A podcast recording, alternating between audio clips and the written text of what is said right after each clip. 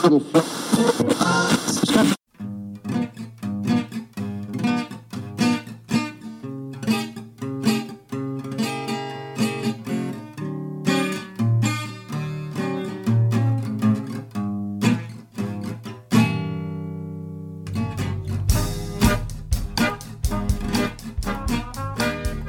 Daginn, kæru hlustendur og verið velkomin í samtal við samfélagið, hlaðvarp félagsfræðinar. Guðmundur Ótsson heiti ég og er dósent í félagsfræði við Háskólan Akureyri. Í dag hef ég þann heiður að spjalla við Jóhann Pál Árnason, einn af fremstu félagsfræðingum landsins um langt skeið, en hann er nú profesor emeritus við La Trobe Háskóla í Melbourne í Ástralju, þar sem hann hefur kent frá árunnu 1975. Þar og undan kendi Jóhann félagsfræði við Heidelberg Háskóla og Bielefeld Háskóla í Þískalandi og hefur aukin heldur verið uh, gestaprofessor við háskóla og stopnarnir í Fraklandi, Svíþjóð og Þískalandi. Jóhann er mjög afkasta mikill fræðimaður en eftir hann líka fjölmarkar fræðigreinar og þó nokkra bækur. Hann er ennfremur ennþá mjög virkur fræðimaður þrátt fyrir að vera komin á nýraðisaldur og gera aðri betur. Uh, rannsóknar áherslur Jóhans líka víða en hverfast um kenningarlega félagsfræði og sögulega félagsfræði með sérstakka áherslu á samanburð á þjóðfélagsbreytingum mismunandi samfélag. Í þessu viðtali mínu við Jóhann er meiningin að ræða við hann um hans merkaferil og fletta inn í umræðina insýn hans í þjóðfélagsbreytingar hér á landi og íslenska félagsfræði. Vertu velkomin, Jóhann. Þakka þér fyrir. Svona áður en að við förum að kafa á dýftina og, og rannsóknir þína langar mig til þess að spyrja hvernig það aðtökaðast að þú fórst í félagsfræði. Uh, ég fór ekki, ekki beint í félagsfræði, það er dálítið flókin saga. Verður líklega að byrja á því að á mentaskóla árum verði að hallur undir marxisma eða það sem ég held að væri marxismi, kynntist fleiri hlýðum á, á þeim málum síðar og í marxískum fræðum eru jú uh, nokkuð náinn tengst millir heimsbyggi og félagsfræði. Ég hafði meiri áhuga á heimsbyggi uh, og, og í Prag frá 1960 nam ég heimsbyggi og, og sagfræði uh, og kynntist þar annari tegundar marxisma en þeirri sem að ég hafði nálgast á mentaskóla árunum þar í Prag á sjönda áratögnum var mikil gróska í andlegu lífi og mm. Ekki síst í heimsbygginni e, ég var hrifin af fyrirbæra fræðilegum marxisma sem að e, nokkri teknískir heimsbyggingar sérlega í Karol Kosík e, komu þá framfæri. Nú en allt þetta var náttúrulega nátengt uh, þjóðfélagsmálum og á sömu árum var verið að endurreisa félagsfræðina í Prag. Hún hafði verið, hafði verið aflýst sem borgaralegum gerfivísindum þegar kommunistar tóku völdin uh, eftir 1948 en það var byrjað að kenna hana sem sjálfstætt fag Mér minnir 1964 í Prag og uh, ég var þar til 1966 þannig að ég fekk líka svo litla nasasjón af, af félagsfræði. En það er ekki fyrir enn í Frankfurt uh, sem að uh, ég nálgast hana meira. Frankfurt skólinn svo kallaður sem að ég hafði náinn tengstu aðalega í gegnum Jörgen Habermas í Frankfurt blandaði saman heimsbyggi og félagsfræði á nokkuð árangasríkan hátt og Habermas var professor í báðum fræðigreinum nú og svo uh, þróast þetta þannig að ég var styrk, styrk þegi uh, Humboldt-stofnunarinnar í, í tvö ár og fegst þá meira við uh, félagsfræðileg þemu, sérlega í strukturalisman sem þá var mikið í tísku. Og síðan 1972 um, þegar ég hætti hjá Humboldt-stofnurinni þá var mér búið að verða staðgengil professors við mannfræði og félagsfræðistofnun Háskólans í, í Heidelberg. Þá var laus og þannig, þannig var ég stofnanalega séð komin yfir í félagsfræðina. Já, já, já, þetta er alveg það eru allir sem eru eldri en tvævetur í félagsfræðinni kannastu heldur betur við þarna, þessar, þessar, þessar stofnarnir sem þú nefnaði þarna eins og Heidelberg háskólan og, og, og Frankfurt skólan og, og talan ekki um þarna leiðbeinandan sem þú hafðir, Jürgen Habermas. Jürgen Habermas, já. Og, og þarna, þetta er bara svona kannski forvitni hjá mér, hvernig var nú að hafa svona svona já, hvað maður að kalla, já, merkis fræðimann sem, sem leiðbeinanda? Það var ágætt og lærdomsrikt sem ég hefði mjög gott samband við Habermas og vorum ekki sammálað um allar hluti því að e, ég kom frá Prag og, og eins og ég nefndi á þann þá var ég á þeim ástæðum blindur fyrirbærafræðinni sem Habermas var uh, meira gaggrínin á. En eða síður, ég uh, lærði mikið af honum um, og hann var mér mjög hjálplegur sem leiðvinandi. Það var held ég líka hon, mikið honum að þakka að ég fekk styrkin frá Humboldt-stofnuninni. Ég hef haldið sambandi við hann síðan. Mm. En um, fyrir Habermas í stöttumáli má segja að hann byrjar sem heimsbyggingur verður síðan á 8. áratögnum fyrst og fremst félagsfræðingur mm. og skrifaði þá þetta mikla tveggja um teorítis kommunikatífun handels, hvað heitir það á íslensku? Uh, oh. kenningum uh, tjáskipta aðtapnir uh, er ekki best að þýða hugtækið handeln aksjón á ennsku sem aðtöfn eða stundum kannski nota flirtrúlun aðtöfnir á íslensku. já Ég verði svo vanur að heyra tala um svona theory of communicative action skilur, maður er svona þannig að hugsa þetta ennsku, já, já, já. En svo snýr hann aftur til heimsbygginnar og já. það sem hann hefur gert síðast er, er mest á þeim slóðum. Þegar hann var nýræður gaf hann út tveggja binda heimsbyggisög allt frá um, forngreikjum uh, fram á 19. öld og, og með að með uh, loka orðum uh, um uh, enn síðari þróun. Já, en, en semst eftir áriðin þarna í Praga þá semst ferðu þarna til, til, til Frankfurt og Og, og, og þú kennir líka sagt, við Heidelberg háskóla og í Bílafeld ekki satt? Já, ég kendi í þrjú ár við Heidelberg um, og svo eitt semester í Bílafeld og í, í Bílafeld um, tók ég svo kallað habilitasjónspróf í, í félagsfræði uh, það verk hefur líka komið út í, í bókarformi heitir Svisjan Náttúr und Gesellschaft millir náttúr og þjóðfélags. En þetta þá erum við komin fram á 1975 það var orðið bísna erfitt að uh, fá reglulega fasta stöð í Þískalandi og um, Uh, svo sá ég allt í einu auðlýsingu frá háskóla í Ástrálíu mm -hmm. um uh, profesorstöðu og uh, sótti um hana. Þó líkurnar væri líklega ekki miklar.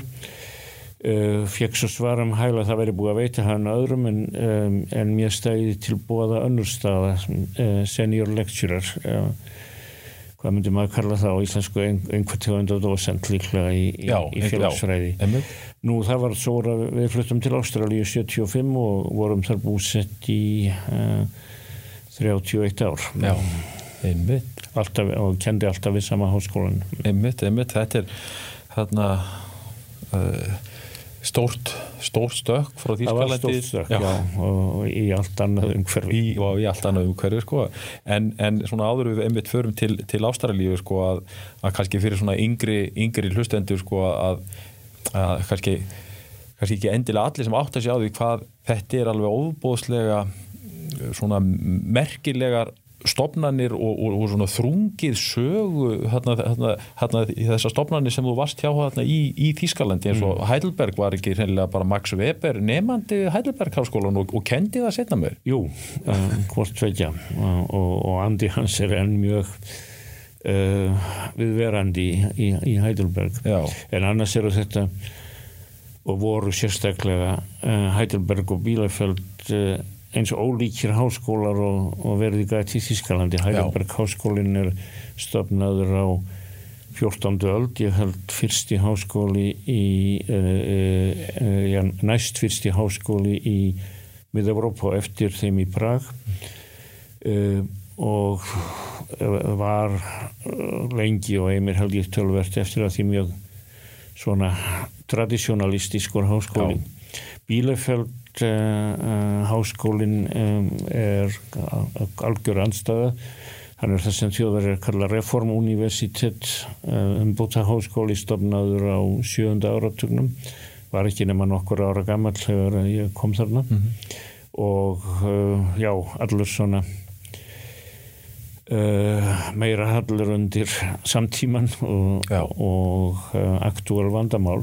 Já, og kannski sprettur upp úr þessum þjóðfélagsræðingu sem eru þarna Já, var því mjög nátengdur. Já, einmitt.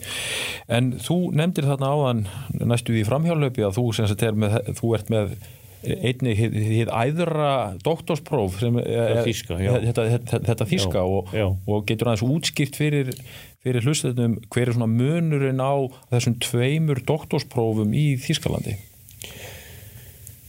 Já, hann er náttúrulega fyrst og fremst á það er ætlaðist til meira við habilitasjónsprófið uh, það er, er floknara ferli. Uh, það er uh, og gengur maður í gegnum um, sagt dóma fræðimanna og síðan habilitasjónsfyrirlestur uh, ég, já um, þú reynir skrifa tvær doktorsríkir, er það rétt skilið? Uh, já, uh, habilitations um, habilitasjónsverk sem þjóður er að kalla já. það er ekki kalla doktorsríkjörð en Nei. maður fær titilinn doktor habil já habilitasjónsverk má og gerði það í mínu tilfelli samanstanda fleiri ritsmýðum Já, svona, Þar, já, einmitt eins og er doktorsrit gerðir ekki nema uh, einn samanhangandi já, já. en í þessari uh, bók sem að ég fekk habilitasjónstitilin út á þar eru þrjár sjálfstæðar Ríðsmiðar, já. Fjórar reynd. Fjórar, já. skulum, skulum ekki, það mm. nú svo mikið verk á baku hver og einni, við skulum ekki gleyma nefni, sko. Mm. En þarna, en er það ennþá þannig í dag í Þískalandi að, að það mjög sko var á þessum tíma að, að til þess að verða prófessor, að þá þurftur þetta, hérna, setna æðra prófi. Já, já, já. Þú, þú gast ekki orðið prófessor. Öðruvísi. Öðruvísi. Ég, ég veit heimlega ekki hvernig þetta er núna, ég... Uh, ekki verið í mjög nónu sambandi við Þíska háskóla upp á síðkasti og Nei, það hefur ímislegt breyst en, en á 8. áratögnum var þetta þannig. Já, einmitt. En, en já, ef við færum okkur aðeins sunnar uh, á, á, á, hana, á nettinum að þá sagt, sækið um þarna, stöðu í Ástrali og þið flyttið þarna 1975 og, uh, og þið kendið þarna, já, þú kendið þarna semst á á fjórða áratug hvernig uh, Já, ég hætti að kenna 2003 Jú, og fór á eftirlaunin. Búsett vorum við í Ástralji til 2006 en það voru tæpir þrýr áratugir já. já, og hvernig hver er svona munurinn sko að ef þú, ef þú svona berð saman sagt, að, að kenna þarna í, í Ástralju uh, með að við hvernig var hérna í Þískalandi Sko munurinn er náttúrulega mikill en fer dálítið eftir því um hvaða háskóla um, í Ástralíu ert að hugsa því að þeir voru mjög mismannandi. Mm -hmm. Háskólinn eh, La Trobe mm -hmm. uh, tiltölulega ungur uh, stopnaður ef ég mann rétt 1961 mm -hmm. og deildin sem ég kendi við var mjög fjölbreytileg og, og mjög evrópsk.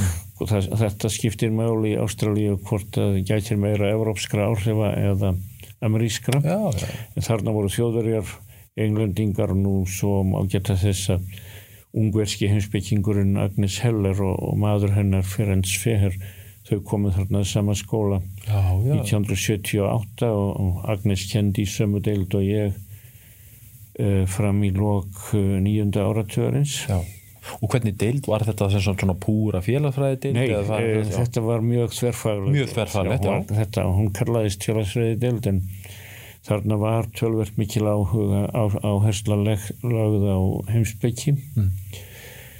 Ég kendi aðalega uh, kursa um félagsfræðilegar kenningar, mm.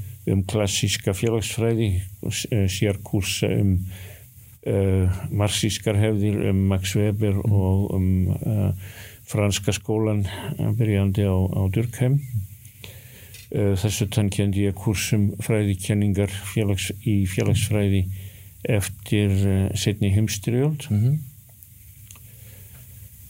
uh, nú svo var ég náttúrulega alltaf ég hafði alltaf áhuga á sagfræði hafði Já. tekið hana sem aukafæg í Prag og hafði vaksandi á því að tengja hana við félagsfræði fekk mikið áhuga á því sem að kallaði er uh, á ennsku civilizational analysis samanbörður á, á menningarheimum mm. uh, uh, í, í því sambandi skrifaði ég tvær bækur um, um Japan mm -hmm. og í gegnum þetta Japan stúdíum komst ég í samband við um, Ísraelskan félagsfræðing Smuel Eisenstadt sem að Einmitt. mikil áhrif hefur haft við, við þeim heimvel þekktur í einsku meðlandi heiminum Einmitt og þú skrifaði nú, hefur hún byrt með honum? Jújú, jú, við gáum síðan út skipulaðunar ástefnur saman og gáum út bækur saman Já. ég hafði sem sagt mjög náið samband við hann og lærði mikið af honum hann er einn af þeim tveim eða þreim uh, hugsuðum sem hafa haft mest áhrif á mig Einmitt, já En þú nefnir þarna, svo ég, svo ég fari svona, þú nefnir hérna rannsó, þessa rannsóknu áherslu á svona, hvað maður kallar það, svona siðmenningum eða menningar heimum sko, að, að kemur þetta, er þetta áhrifin frá Frankfurt skólanum að þetta segir að Norbert hérna, Elias þarna og, og fleiri sko, að hann heldur betur stúderaði það? Hann var nú mjög laust hengdur uh, Frankfurt skólanum, Já, ja. hann vann við... Um, stopnunina sem að skólinn spratt upp úr í ja. Frankfurt til 33 flýði þá land eins og aðrið sem það komið við sögum mm. en hann er aldrei talinn til Frankfurt skólans í, í þrengri merkjum í þrengri merkjum, það, já og e, þeir gerðu ekki mikið til að halda honum áloft Nú já, já, já, já. Það, er meira þarna að Dorna og Horkheimer hann var komin til Englands og Ég held ég hafi aldrei hýrt Habermas minnast á Elias Nei, já, e, á þeim árum sem ég hafi nánast samband við hann. Já, já, já.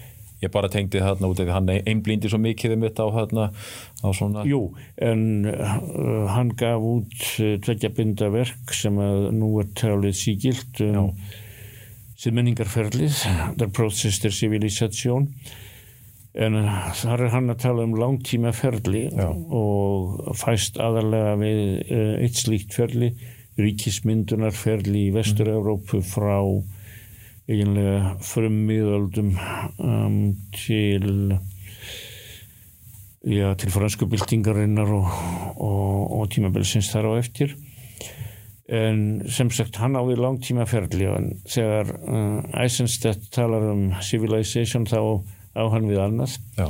hann á uh, við menningarheim Já. Uh, menningarheim sem tekur yfir fleiri þjóðfélag til dæmis eins og uh, vestran kristindómur á miðaldum um, eða forngríski heimurinn eða austurasíski menningarheimurinn sem hvers kjarni samanstendur af Kína, Japan og, og Kóreu. Já, er eitthvað svona samaburður heldur en svona uh, nátíma ferði þetta, þetta er enn dálítið vandamál hvernig maður á að, að tengja þessi, þessar tvær merkingar. Uh, ég held að það sé hægt og hef skrifað langa greinum ég líða svo essens þetta sem ég reyna að gera. Já. kom út í tímariti sem uh, hér og heitir núna After Social Imaginaries um, fyrir nokkrum árum Emmitt og ég, þarna þegar ég var ná undirbúið mig fyrir viðtalið að þá hérna uh, var ég að renna yfir rítaskrána þína og það myndi nú æra óstöðan að ætla að fara að, að fylja það allt upp en þarna en skal ég segja þér að uh, ef þú myndir svona aðeins ef við myndum kannski bara byrja á kannski fyrstu doktorsritgerðinni mm. ef við myndum bara, svona, bara svona, segja svona stuttlega sko hvað var það sem sem að, hérna, þú varst að einblýna á þá og, og hvernig þess svona rannsóknar áherslu kannski svona breytast svona yfir tíma? Eh, Doktorsritgerðin, já hún hétt sem ritgerð Uh, antropológísi aspektir kritisinn teóri mannfræðulegar hliðar á gaggríninni kenningu gaggríninni kenningan voruð sem er yfirleitt að nota um Frankfurt skóla. Einmitt, einmitt, bókin heitir svo von Markuset zu Marx mm -hmm. frá Markuset til Marx ég, uh, ég hafði þegar að ég byrjaði að skrifa þetta mestan áhuga á Herbert Marcuse sem þá var jú mjög tektur, þektur og, og í tísku ekki síst vegna áhrifa hans á studentarhefingun á Vesturlandum Já. en um, eftir því sem að ég komst lengra í ríkjörðinni þá uh, var ég gag, gagnrýtni á, á Marcuse Já.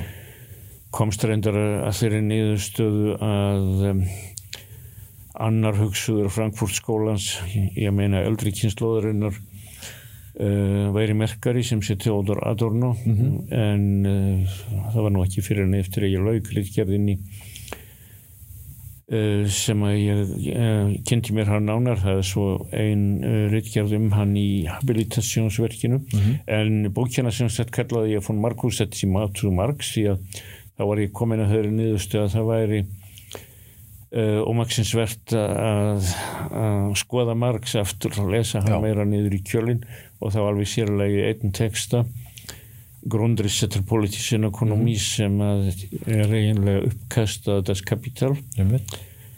um, sem hann lauk aldrei við mm. en er að mínu viti og, og, og það halda fleiri að mörguleiki merkararitt en, en Das Kapital Já þar er hann með floknari kenningar og þegar hann svo létt undan þrýstingi uh, og lauk við fyrsta bindi af þess kapital Já. þá finnst mér hann hafi einfalda þar hansi margt og, og fælt inn í þar hluti uh, sem voru líklegir til að um, finna breyðan hljómgrunn. Frekar en að þeir pussuðu inn í röksemdafæsluna í indinu sem, sem held nú svo eins og kunnugtir laukana aldrei við restina einmitt, einmitt. Engels fekk þetta til meðferðar. Já. og uh, já, ég veið að segja lagferði eða um, minnstakosti laukvið eftir sínu höfði. Einmitt, einmitt. það er sko nánari textaatjóðanir sem hafa verið gerðar uh, sína betur og betur. Hann er þarna ekki bara rittstjóri, hann er, er meðhaufundur og öðru og þriðja bindinum. Einmitt, og tekur oft uh, sterkar til orða og kemst að eindregnari nýðustöðum heldur en Marx uh, hafði gert sjálfur eða var líklegur til að gera. Ja, Þetta er, þetta er aldrei var einmitt gaman að vita hvað framhaldsnefnar í, í, hérna, í, í félagsfræði myndi segja að, hérna, að, að, að kapital hafi verið gert að einhver leiti le, lesendavætna því að því að þetta er nú kannski ekki það auðmeldasta reitverk sem að, að framhaldsnefnar komast í Nei, en á þessum árum í Þískalandi Já. og sérilagi árunum sem ég kendi í Heidelberg það var mjög í text í tísku svo kvörlu kapitalogík menn leituð að, að einhvers konar uh, grundvöldun félagsfræðinar í, í uh, das kapital og vanræktu þá ofta aðra texta eftir Marx. Ég, ég, mér, mér hugnaðist þessi nálgun ekki og einri gerðin í habilitations um, bókinni er, er gaggríni á, á kapitalogík Já, einmitt. En þetta er út af því að hérna, ferillið þín spanna svo, spanna svo hérna, langt skeið að, hérna, að það er einmitt merkilegt að þú ert að skrifa doktorsríkjir á þeim tíma þar sem að sem sagt um, það er rauninni kannski verið að hefja markstaldið aftur til svona virðingar sko, sem þarna, sem þarna einn af hvað maður að segja frumkvöðlum félagsfræðina það er raun ekki fyrir ná þessum tíma sko það sem að, að hann er settu kannski að, að meira leiti inn í kanonuna Já, Já. Það, er, það er á þessum tíma. Já. og meðal félagsfræðinga uh, held ég hann hafi alltaf haldið þeirri stöðu. Já. þó svo að hann ditti mjög úr tísku eftir 1990 e nú er hann að koma aftur um, en uh, á nokkuð mismunandi hátt. Það er uh, það er gerðar meiri aðtjóðanir á stöðu hans í, í klassískri félagsfræði. En það er líka eins og uh, sé tölverð útbreytt freysting að fara að líta aftur á marxismann sem um, einhvers konar stórkenningu heilstipta allsarjar kenningu um sög og þjóðfélag. E, einmitt, og uh, svo viðleitni held ég að sjá villigötum. Hann er og verður einn af höfðsnillingum uh, klassískra félagsfræði minnstakosti þrejum, hinn er Weber og Durkheim og Já. kannski má bæta við sem fjóruða það er Georg Simmel en um hann er ég ekki alveg eins viss og heldur endur að hef ekki enn ekki verið gerð á honum úttekt sambæruleg við það sem að hinn er þrýr hafa fengið. Mhm. en þarna held ég sem sagt að Marx, Marx hafi stöðu sin, haldi stöðu sinni og Já, þó það sé eh, auðvitað ekki hægt að, að uh, uh, fá heilstipta kenningu um kapitalisman frá honum þá er hann einn af þeim höfundum sem alltaf verður að taka með í, í reikningi. Já, já, einmitt. Þetta er, ég man ekki alveg hverða sem, sem sagði að, að þarna félagsýsta fólk væri í eiliðum röggræðum við vofu mark sko, og ég held að, að það er ekkert að fara að breyta sko. Jú, en þá myndi ég bæta við vofuður kems og Út, út, út, með Webers líka. Þeir eru jafn viðverandi Eh, Sjálfur held ég að, að ég myndi setja Weber í fyrsta sæti eh, nú orðið var líklega mest í félagsvísindamaður allra tíma Já, já, síðast þegar ég kynnti mér að þá skilst mér að, þarna, að Economy and Society rítverkið að það sé það sem að er vitnað, hafi verið vitnað mest til í gegnum tíðina sko. Það er vist svo, en það er búið að uh, dekonstruera þessa bók virt seft og gesellseft Já, eins og uh, hún heitir á þýsku. Einmitt. Eins og uh, líklega fróðasti maður um Weber, Wolfgang Slugter orðar það, þetta er ekki bók í tveim hlutum. Uh, þetta er um, ófullnað projekt í tveim áfengum Dömur áfengum, já, og við hliðina á því standa svo reitgerðir um, um heimstrúarbröð já, einmitt. Um uh, Indland og Kína. Já, hann uh, lauk aldrei við uh, bókum Íslam en uh, það ennskur félagfræðingur sem heitir Brian Turner hefur mm einmitt. gefið út bók sem heitir Weber on Íslam og, og endur byggir þar á nokkuð sannfærandi hátt það sem að Weber sagði og hefði líklega sagt um, um, um Íslam ef hann hefði uh, rokið verkinum þannig að hann dó mjög fyrir aldur fram já, já, einmitt það, þarna allir þessir höfusnillíkar eins og orðaða þeir, þeir virðast hafa dáið frá sem sagt, ó, ó hérna, Já. kláruðum verkum sko. já, allir mm.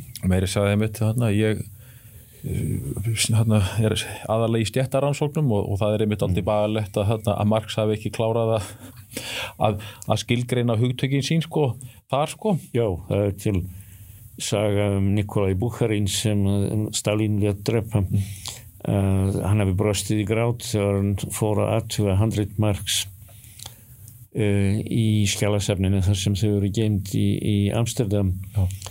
Og sá með auðin augum að þarna, þarna uh, endaði handrið í miðjum klíðum. Í miðjum klíðum einmitt. En, en, en nú hérna verðum við að minnast á sko að, að, að fólki hætti til þess að, að, þarna, að ruggla saman sko þarna aðgerða sinnanum Marx og fræðimanninum Já. Marx sko.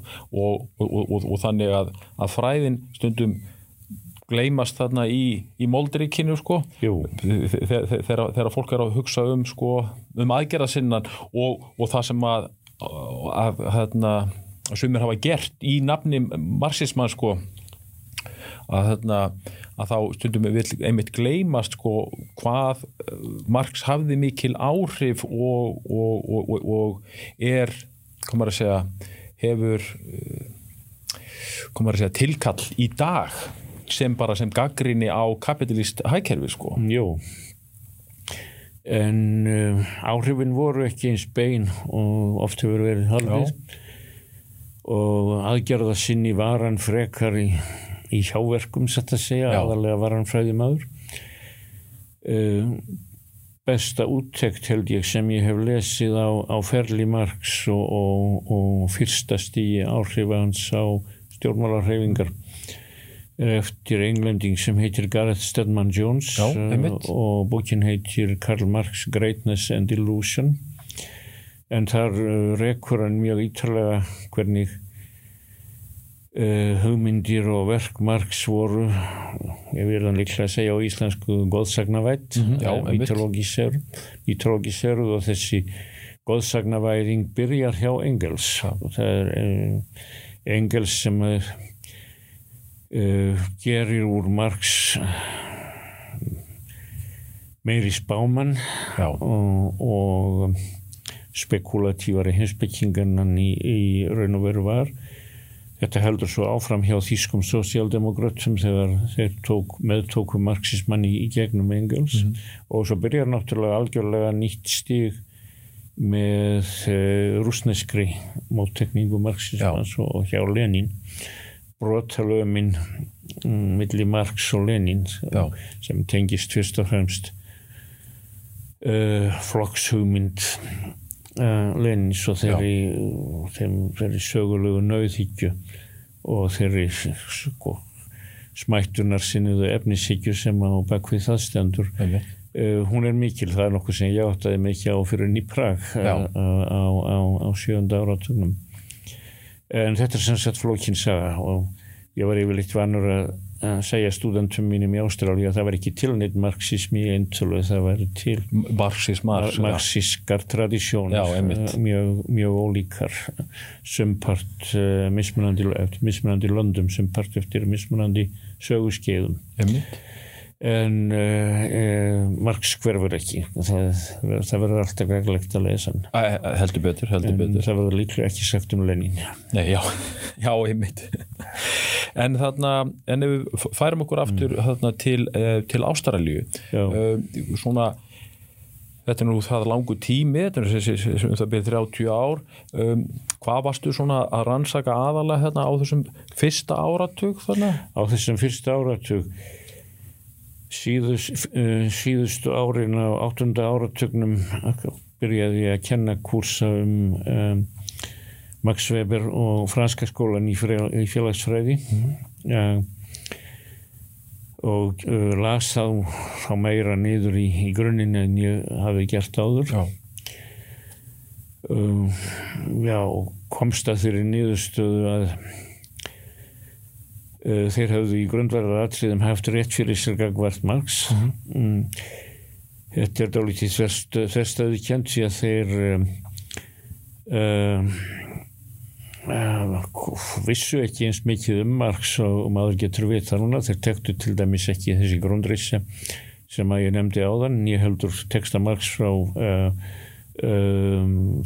áratug 19. aldar já Þannig að uh, mynd þegar Marx var einhlega eiga síður held ég þeir hafi báðir sett fram gaggríni sem að í eh, grundvallaratíðum er rétt. Og hún gaggrínin beinist gegn skiptingu þjóðfélagsins í grundvall og yfirbyggingu. Eins og það Karla hjá Marx þá hann kemist nú aldrei til að, að útfæra þau hugtök. Mm. þetta var eiginlega bráðabelðarlaust en það þýðir sem sagt að politík og menning ber að skoða sem sjálfstæða faktora og það var ekki síst politík og trúarblóð eins og báði bæði Durkheim og Weber láðu mikla áherslu á sem sjálfstæða faktora frekar en uh, eitthvað sem undir orpiði er sögulegri nöðsin á hverðaðri af efnahagslegum grundverðin og það er auðvitað alltaf þessi helsta gaggrinni með áfram með þennan dag er einmitt þessi þarna þessi smættunar tilneying sem að sumir hafa sko, já. já,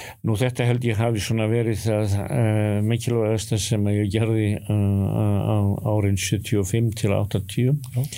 en í gegnum Weber fekk ég svo mikið áhuga á uh, samanburði menningar heima því að um, þá fannst mér þessar reitgerðir hans um, um asíska menningar heima kannski vera merkilegast að því sem hann skrifaði þó að það er sjó eimsalhátt garlaðar og getur ekki öru vísi verið það uh, eru hundrað ára gamla uh, og upp úr því fór ég líka að lesa Eisenstadt nú er það svo að í um, uh, ja, Weber skrifaði afskaplega lítið um Japan. Hann eiginlega ekki að Japan nema í stuttum kabla í uh, bók sem annars er um Indland. Og það vegna þess að hann um, uh, reykur útbreyðslu buddhismans til Östur-Asíu mm -hmm. þar, þar eru þær einar tólf blaðsíður á Japan og mér fannst þær afskaplega uh, hugsana veikjandi og, og svo hafði ég uh, áhuga á Japan frá fyrir árum því að ég hafði verið í vinnfengi við japanska studentafi í, í Prag og allt þetta var svo til þess að ég fór að kenna kurs um samanbörða Japan og Vestrinu með japanskum kollega Já, við. Latróp háskólan skrifaði um þetta í tímarit sem ég var þá meðritstjóri að heitir uh, Thesis 11 þú er kannski einhver tíma Jú, jú, séð það. heldur betur Uh, ég er ekki lengur tengdur því Nei. en uh, byrti þar langa grein í tveimur áfengum Æsenstall las hana og skrifaði mér út af því og eftir það höfðum við stöðugt samband Já. Þannig að það er nú ekki hérna Já, já, fó- fóru þess að vinna saman sko. við fórum að vinna saman já. Þannig að þú, þetta hefur þessi grein hefur slegið í gegn hjá honum Uh, greinilega Já. en þessu utan má ég svo kannski geta þess að ég hafði náið samband við þetta fólk frá Budapest Agnes Heller uh, og, og um, mann hennar og aðra ungarska fjálskildu af uh, sömu nótum sem var við háskólan í Sydney. Uh, ég hafði verið gaggrinnin á Östur-Európu allt frá því á sjönda áratögnum og lærði mikið af vorinu í Prag. En þegar þetta svo allt saman hrundi uh, 89 þá fannst mér að ég þyrsti einhvern veginn að uh, gera upp reikningana við það og skrifaði bók um, um kommunismann sem heitir uh, The Future That Failed Já. uh, framtíð, framtíðin sem brást uh, kom út uh, 93 einmitt. Og þarna uh, nú erum við þá komið fram á tí, tíund áratugin Já. og þarna uh, og þú hefur semst verið mjög afkasta mikill og ert ennþá, ég menna við þurftum nú að, að fresta þessu viðtalum tvo dag því þú ert enn að skrifa. Ég að skrifa, já. Sem er frábært að þarna en, uh, en þú hefur sem sagt uh, uh, þrátt fyrir að vera nú bara fættur hérna á Dalvik og farið í mentaskólan á Akureyri að þá hefur hérna, þú eh, ekki skrifað neitt voða mikið einmitt um Ísland eða, eða, eða á íslensku. Og þarna þú er svona, svona aðalega verið að, þarna, að beina, beina sjónu þínum bara víðar og, og verið svona mér svona, svona, svona samaburði en, en ef við svona aðeins færum hvað maður að linsuna svona, svona, svona til Íslands og sérstaklega það sem, hú, svona, það, það sem þú hefur verið með þetta samanburðar sjónarhótt svona ef þú ættir svona að lýsa svona, svona þjóðfélagsbreytingum á, á, á, á Íslandi svona síðustu 30-40 árin? Hvað finnst þið svona, svona standa upp úr? Nú þetta, er ég ekki gammal í hettunni sko? En, þarna, en, en að mér finnst Ísland hafa breyst alveg heilmikið síðan á, síðan á nýjunda áratögnum já, eða kannski síðan á tíunda áratögnum Jú, það hefur gert það. Nú ég hef ekki mikið skrifað á íslensku eins og það er það kom út einn bók 1970, heitir Þettir úr sögu sosialismans. já, já, Er skrifuð í Frankfurt 1969 og ber þess nokkur merki. já, Ég er komin ansi langt frá þeirri bók núna. já, Annað hef ég uh, ekki skrifað á íslensku fyrir utan tvær greinar um Haldur Lagsnes og, og eina grein um oktoberbyltinguna sem byrtist í rítinu ég held 2019 Mhm.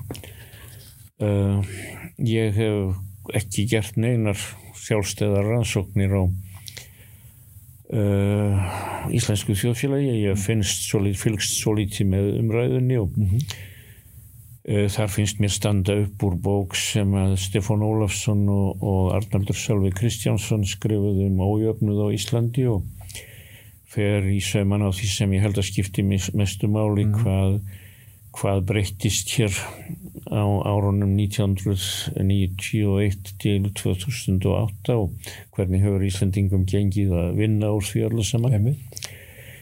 Uh, Einar Kárasson skrifaði ágæta grein í fréttablaði fyrir ég held þrem árum og heitir Apaplánetan íslenska. Uh, og er að fjalla um árin frá 1995 til 2008 Mm. ég finnst það eiginlega nokkuð góð samlíking. Já, en uh, þú varst að spyrja hvað, hvað, hvað stæði upp úr? Jú það er þetta tímapil og, og, og afleiðingar þess. Já, Uh, einn góðkunningi minn sem ég vitna gjarnan í segði einhver tíma að nútíminn hefði helst yfir Íslandi svo hland og fötu. Það, það er eitthvað til í því.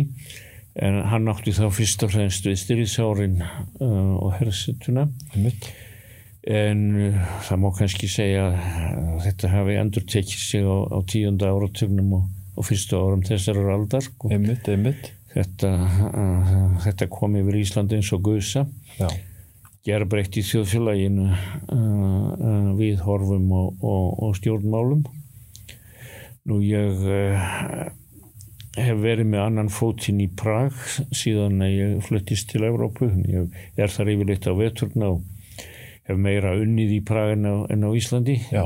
kendi í sjö ár við eh, mannvísinda, nýja mannvísindadeild háskólans í Prag kendi sögulega félagsfræði uh, og er meðrittstjóri að tímaritti uh, um sögulega félagsfræði sem svo deild gefur út. Já, uh, ég hef sem sagt verið passífur aðtugandi hér Já. en reynd svona að lesa það helsta sem komið hefur út um, um þessi mál já, en það má kannski segja að þarna svona svo ég, svo ég nefni þetta mm. við tala um, þarna, um hvað breytingar hérna hafa gengið ört yfir Já. þegar þar hafa gengið yfir, þetta er bara eins og með innbyltingun á Íslandi, hún kemur setna og kannski fyrsta bylgjan þarna um, um þarna í upphafi 20. aldarinnar og síðan kannski setni Já, bylgjan er eiginlega sjávar útvegsbyldi Já, það er sjáurútsbylgjan og svo má vel þessi setni bylgja kemur hérna í, í setni heimstyrjöldinni Já. þannig að við erum daldið sein til en þegar þetta gerist, þá gerist þetta mjög hratt og má, þá má kannski sama segja þá um þessa Já. ný frjálsíkju væðingu að, að hún kemur setna að ströndum Íslands en hún gerist mjög hratt þarna Já. fram að hrunni sko, já. En mitt, en, ég má kannski nefna að ég gaf út bók með uh, Björn Vittrok sem uh, var lengi fórstöðumadur Swedish Collegium for Advanced Studies í Uppsala. Heitir Nordic Roads to Modernity. Einmitt, einmitt, já, þar, þar skrifa uh, um, tveir höfundar um hvert Norðurland. Uh, uh, mín grein er svona almenn hugleðing um Íslandssögun og eiginlega meira um miðaldir en, en, en nútíman Guðmundur Háldunarsson skrifaði um 20. öldina.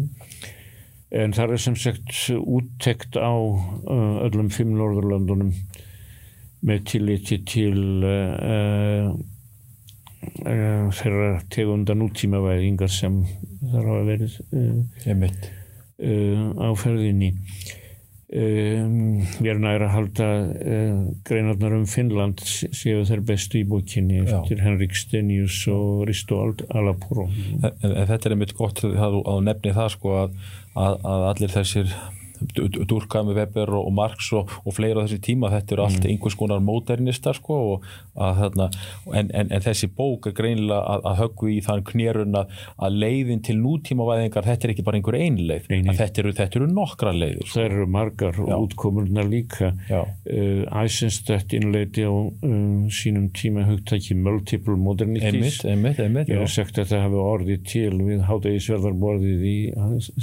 Swedish Collegium Já. Í, í Uppsölum en hann á þar við hvortvekja um, margbreytilegar leiðir og margbreytilegar útkomur. Hann skrifaði í þykka bók um Japan sem mjög sérstakt afbreyði nútímans. Já, en, en segðu mér það sem að þú starfaðir í Ástralíu og hefur þessi tengsl þarna við Japan að þá hefur þessi hugmyndum nútímavæðingu verið gaggrínt fyrir að vera svona Evrópu hverf, svona Eurocentric. Sko. hvað, hefur, hvað myndir þú segja um það? Uh, jú, það er, það er rétt mætgagríni Evrópu og Ameríku centruð, hún var til eiginlega fyrst og fremst í Ameríku í kringum 1950 um, um, var eiginlega hugsuð sem mótfægi við þeim hugmyndafræðilega keppinauð sem þá bara mest á í heiminum sem sagt uh, sovjeskum marxisma uh, svo, uh, svo kenning hefur verið réttilega gaggrind en þá um, færist þunga með því að umræðunar frá modernisering til modernitet til, til nútíman svo ef maður, maður hugsa sér nútíman samsettan af uh, fleiri eðlistráðum uh, samspili kapitalisma og yðinvæðingar samspili uh, ríkismyndunar og líðræðis uh, samspili um, upplýsingar og, og, og romantisma af ímstu tægi í, á menningarsviðinu.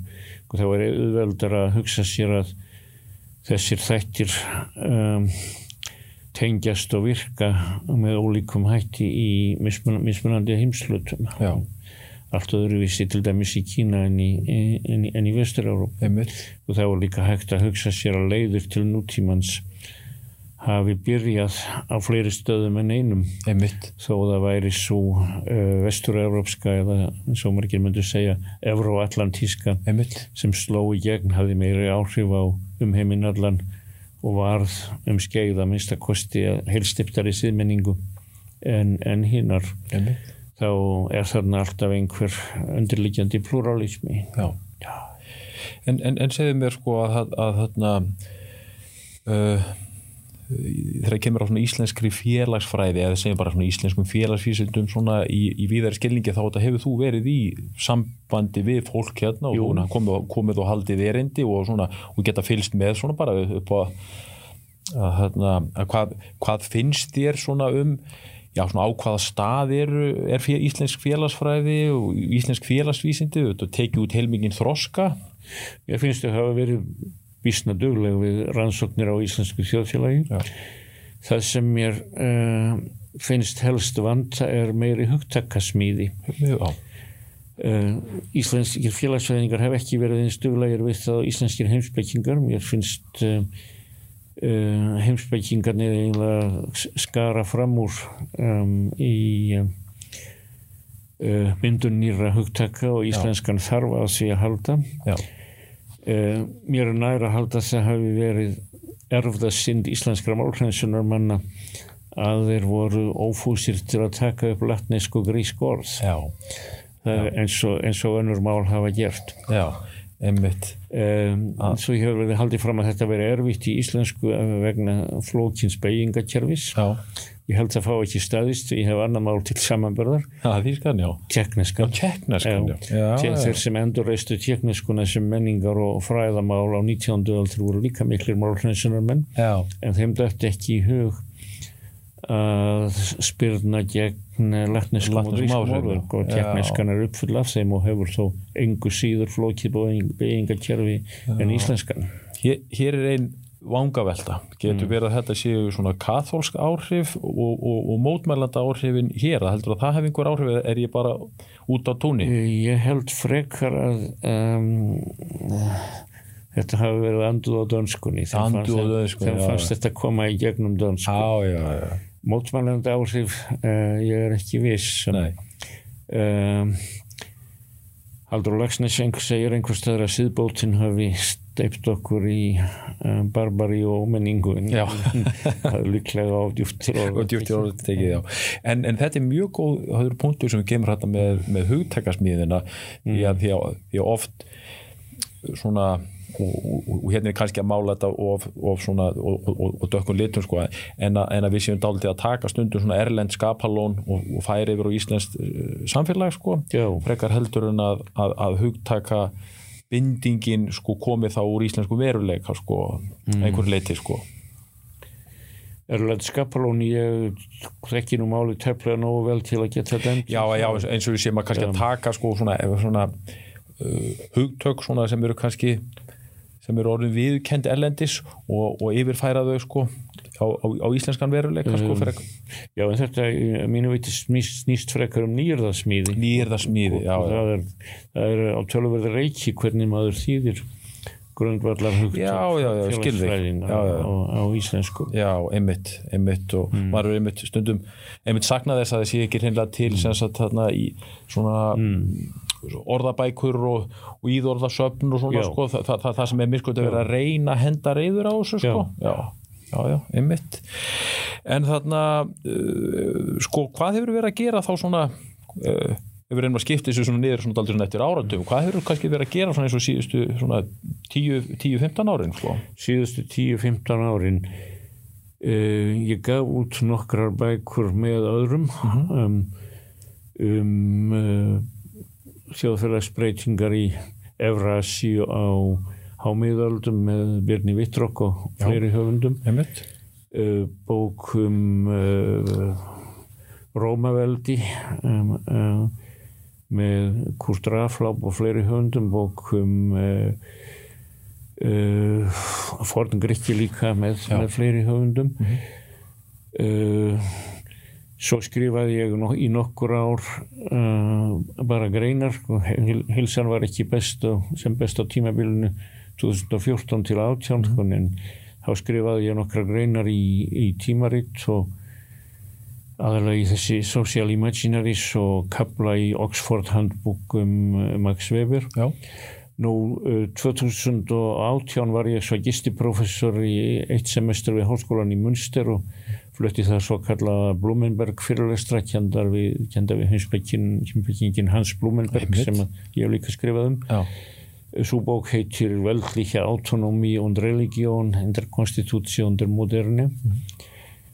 Svo skrifaði ég bók, uh, eiginlega svona langan essay, því að mér fannst ég þurfa að uh, koma mínum hugmyndum fyrir í einni bók þó að væri fljótt farið yfir sögu. Einmitt. Hún heitir The Labyrinth of Modernity. Já, kom út uh, 2020 í fyrra sem sagt hjá Roman and Littlefield.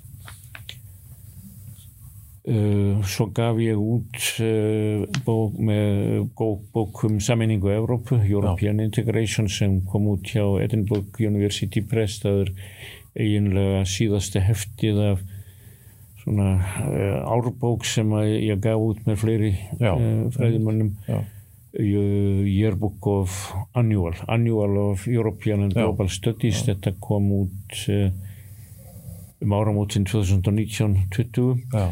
það sem ég er að gera núna er að taka saman nokkra rittgerðir á, á íslensku sem partítar sem part frumsamdar Já, og á eiga að koma út hjá forlægin en það tegist úr þessu í augnablikkinu er ég einlega að drukna í miðaldafræðum því að e, ég fór út í það að, að þýða og endurvinna grein sem að Já. ég hafði sínum tíma skrifað um, í griplu já, um íslenska þjóðveldið og, og um, þá spurningu hvort það væri eins og sem er hafa haldið um sérstakka simmenningu að ræða já, eða eitthvað mjög sérstakt afbreyði vestræns kristindums Já. En þetta sem sagt það er það sem ég er að gera í ögnablikinu ljúka við þessa þessa sem er orðin miklu lengri en allar hinnar Já, og uh, endalókin ekki, ekki sínilega ekki sínilega, nei. En, en þetta er þarna mjög, þarna, uh, bara að sletta, mjög impressive hvað, þarna, hvað, þú, hvað þú komið miklu frá þér veist, e, og nú eru nú hana, alls konar fólk sem er að hlusta, hvort þeim eru nefnendur og, og, og lengra komnir, hvaða svona ráð hefur til fólks sem að vil hana, verða svona afkasta mikið eins og þú hefur verið yfir, yfir þinn feril? Hvaða ráð hef ég til fólks? Hvað er, já, uh, Ætli fyrsta ráði væri ekki það að uh, vera ekki tregur til að lesa því að, að mér er sagt að yngri kynnslóðin vil ég gera minna og minna af því að lesa. Já, treysta frekar á uh, internetið og, og, og alls konar nýtískulegar tilfæringar já, uh, fyrsta bóðurði held ég er lesa, lesa og aftur lesa og aftur lesa, já, Já. einmitt. Einmitt, það er nefnilega hérna, Um, en annars er þetta svo mismunandi eftir því hvað, menn eru að fásta það er erfitt að gefa almenn ráð. Já, já, einmitt. En, en, en þú þetta hefur svo margar eh, áherslur rannsóknar áherslur og, og, og áhuga svið sko að þú ert alltaf, hefur það alltaf verið með svona mörg verkefni í gangi í einu? Jú, ég hef verið það, það hefur stundum verið erfitt að halda þeim öllum gangandi en eh, einhvern veginn hefur þetta blessast. já, já, einmitt einmitt, einmitt. En þarna, núna farið að, að síga á, á setni hlutan hjá okkur heldur betur. Um, núna farið um víðan völl og, og ég hef nú hérna, eins og ég segi, þú hefur nú verið svo afkasta mikill að við höfum bara rétt geta svona tæft á svona hinn og þessu, er eitthvað svona sem að þú manst eftir sem að, sem að þarna, þú vildir endilega koma, koma á framfæri? Svona, Uh, já, ég talaði á þennum uh, hugsuði sem hafa haft áhrif á mig, náttúrulega Habermas, uh, svo Max Weber og Eisenstadt en uh, það er ennið maður sem ég langar til að nefna grísk-franskur heimsbyggingur Cornelius Castoriadis uh, fætur 1922 dó 1997 uh, honum kynntist ég persónulega þegar ég var í rannsóknarleifi í, París þrísvar og uh, hann hefur haft mjög mikil áhrif á uh, mín heimspekkilugu sjónarmið. Ég, ég skrifa nokkra reynar um hann. Uh, og hann á áreðanlega heima í sama flokki og þessir þrýr sem uh, ég nefndi ég mér að næra halda ef ekkert verið þýtt eftir hann á íslensku. Já, uh, en hann var sem sagt að mínu viti einn af merkustu heimspekkingum 20. aldarinnar. Já, byrjaði sem marxisti varð á, á, á unga aldri trotskisti og mjög hardur andstæðingur Sovjetríkjana stofnaði í, í vinstri sinnaðan stjórnmálahóp í París uh, í útlegð sem hann kallaði sosialism og barbari sosialismi eða barbarismi, Já. hvað kallaði maður barbarismi á íslensku? villimennska Villimennsku, Já. já, þó er villimennska kannski einum og Já, einum of stert barbari er stundum notað í erlendum málum um fyrirbæri þess sem uh, þetta ætti ekki við. Nú höfðverkans er bók sem heitir The Imaginary Institution of Society á ennskum. já, Hefur verið þýta á ennsku og mörgunum mál, hvað myndi maður segja. Já, á íslensku hinn ímyndaða stofnunni þjóðfélagsins en hún gengur sem sagt út á þátt ímyndunar aflsins uh, ímyndun þjóðfélags uh, og já. sögu. Er, er þetta Og- svona svipað eins og hérna bókinas Benedikt Andersson sem hérna Imagined Communities, eh, er þetta eitthvað annað? það er það ekki. Nei, Eh, þó að Kastoriadis hafi 20 árum og undan Andersson talað um þjóðina já, já, já, sem ímyndað fyrirbæri en Andersson held ég hef ekki lesið hann þannig að hann hefur, það ekki frá honum Nei. Nei, þetta tekur upp þráðinn frá Durkheim Collective Representations eh, á ennsku eh, hvað kallaði maður þeirra á íslensku Ah, þe- já, þetta er eitt af þessum hugtöku sem er, sem, Jú, að- sem er, sem er erfitt að er, er, er óþýtt en held ég. Já, en Kastoriadis er sem sagt á því eh, á þeirri skoðun að þú fáir engan botni í það hugtak nema þú takir ímyndunaraflið uh, með uh, í uh, reikningin já, sem Durkheim hálft í hvoru gerði en ekki, ekki nógu ústrykkilega já, einmitt, þannig að hérna, þannig að hérna, já, þetta er þá e- einn af þessum stóru, stóru áhriföldum og þú, Jú. ég, ég, og ég hérna, ímyndi með það að þú er sett bara hreinlega að skora hérna á íslenska heimsbygging að, hérna, að gera þessi í brók og, og að, að, að þýða verk eftir hann. uh, Jú, þeir mættu gera það Ég veit uh, að Pál Skúlason las hann og, var, kom með mér nokkurnu sinnum í seminar hjá honum þegar Já. við vorum báðir stættir í París 87 Já, ég veit líka að uh, Otto uh, þýtti eitthvað eftir hann en það hefur mér vitanlega ekki verið byrt. já. Og, og, og þetta er kannski ein byrtingamind þess að þannig að íslenskt mm. fræðarsamfélagi er tiltölulega lítið og, og auðvitað undir miklum áhrifum frá enskumælandi Já. löndum. Það, það er bagalegt. Sko. Það, það, þísku kunnáttu og fransku kunnáttu hefur farið stórlega aftur hér. Já. Þegar ég var hér í mentaskóla á sjötta áratögnum þá var hér þýst bókasefna á Akureyri. Það er úr sögunni Það er lungu sögunni, já, já, einmitt og, og reyndar úr sögunni fyrir sunnan líka. já, já. og þetta er einmitt sko hvað maður að segja, það stundum talað um að, þarna, að tungumál, að það er bara einn hugmynda heimur, þess vegna er alltaf svo sorglegt að maður heyrir um tungumál sem er, að de, sem er að deyja út, því að það, hér er þá Jú. ein leið til þess að önnur leið til þess að hugsa um heiminn sko, sem er að þarna, sem er líka að deyja sko. Þíska og franska eru held ég ekki að fara að deyja út. Nei, nei, vissulega ekki, Það sko. eru ekki orðnar uh, alþjóðleg fræðimál Já, í þeim mæli sem þeir voru uh, fyrr á 20. öldinni. En, en ég held að, að allir allar fræðigreinar myndu njóta góðs að því að, að útvika sitt sjónarhótt sko eins og, og þá er þá félagsvísindin að, að útvika það út fyrir sinna ennsku mælandi heim og þetta mm. við vissum við þetta áhrifum frá, frá, frá Norrlöndunum en, en þetta er þetta bara lítil þarna, lítil brot af, af fræðaheiminum sko Já. Já. Reyndar það svo að ens, enska ver, verður líklega um fyrir sjáanlega framtíð alþjóðlegt mál í öllum vísindum. já, já, Því það breytist ekki hérna en menn, menn, menn, mættu gera meira því að læra hinmálin. einmitt, einmitt herðu, en ég þarna, held ég getum talað hérna í allan dag en þarna, við skulum segja þetta, þetta gott ég þakka bara kærlega fyrir komuna Já, þakka þér fyrir líka.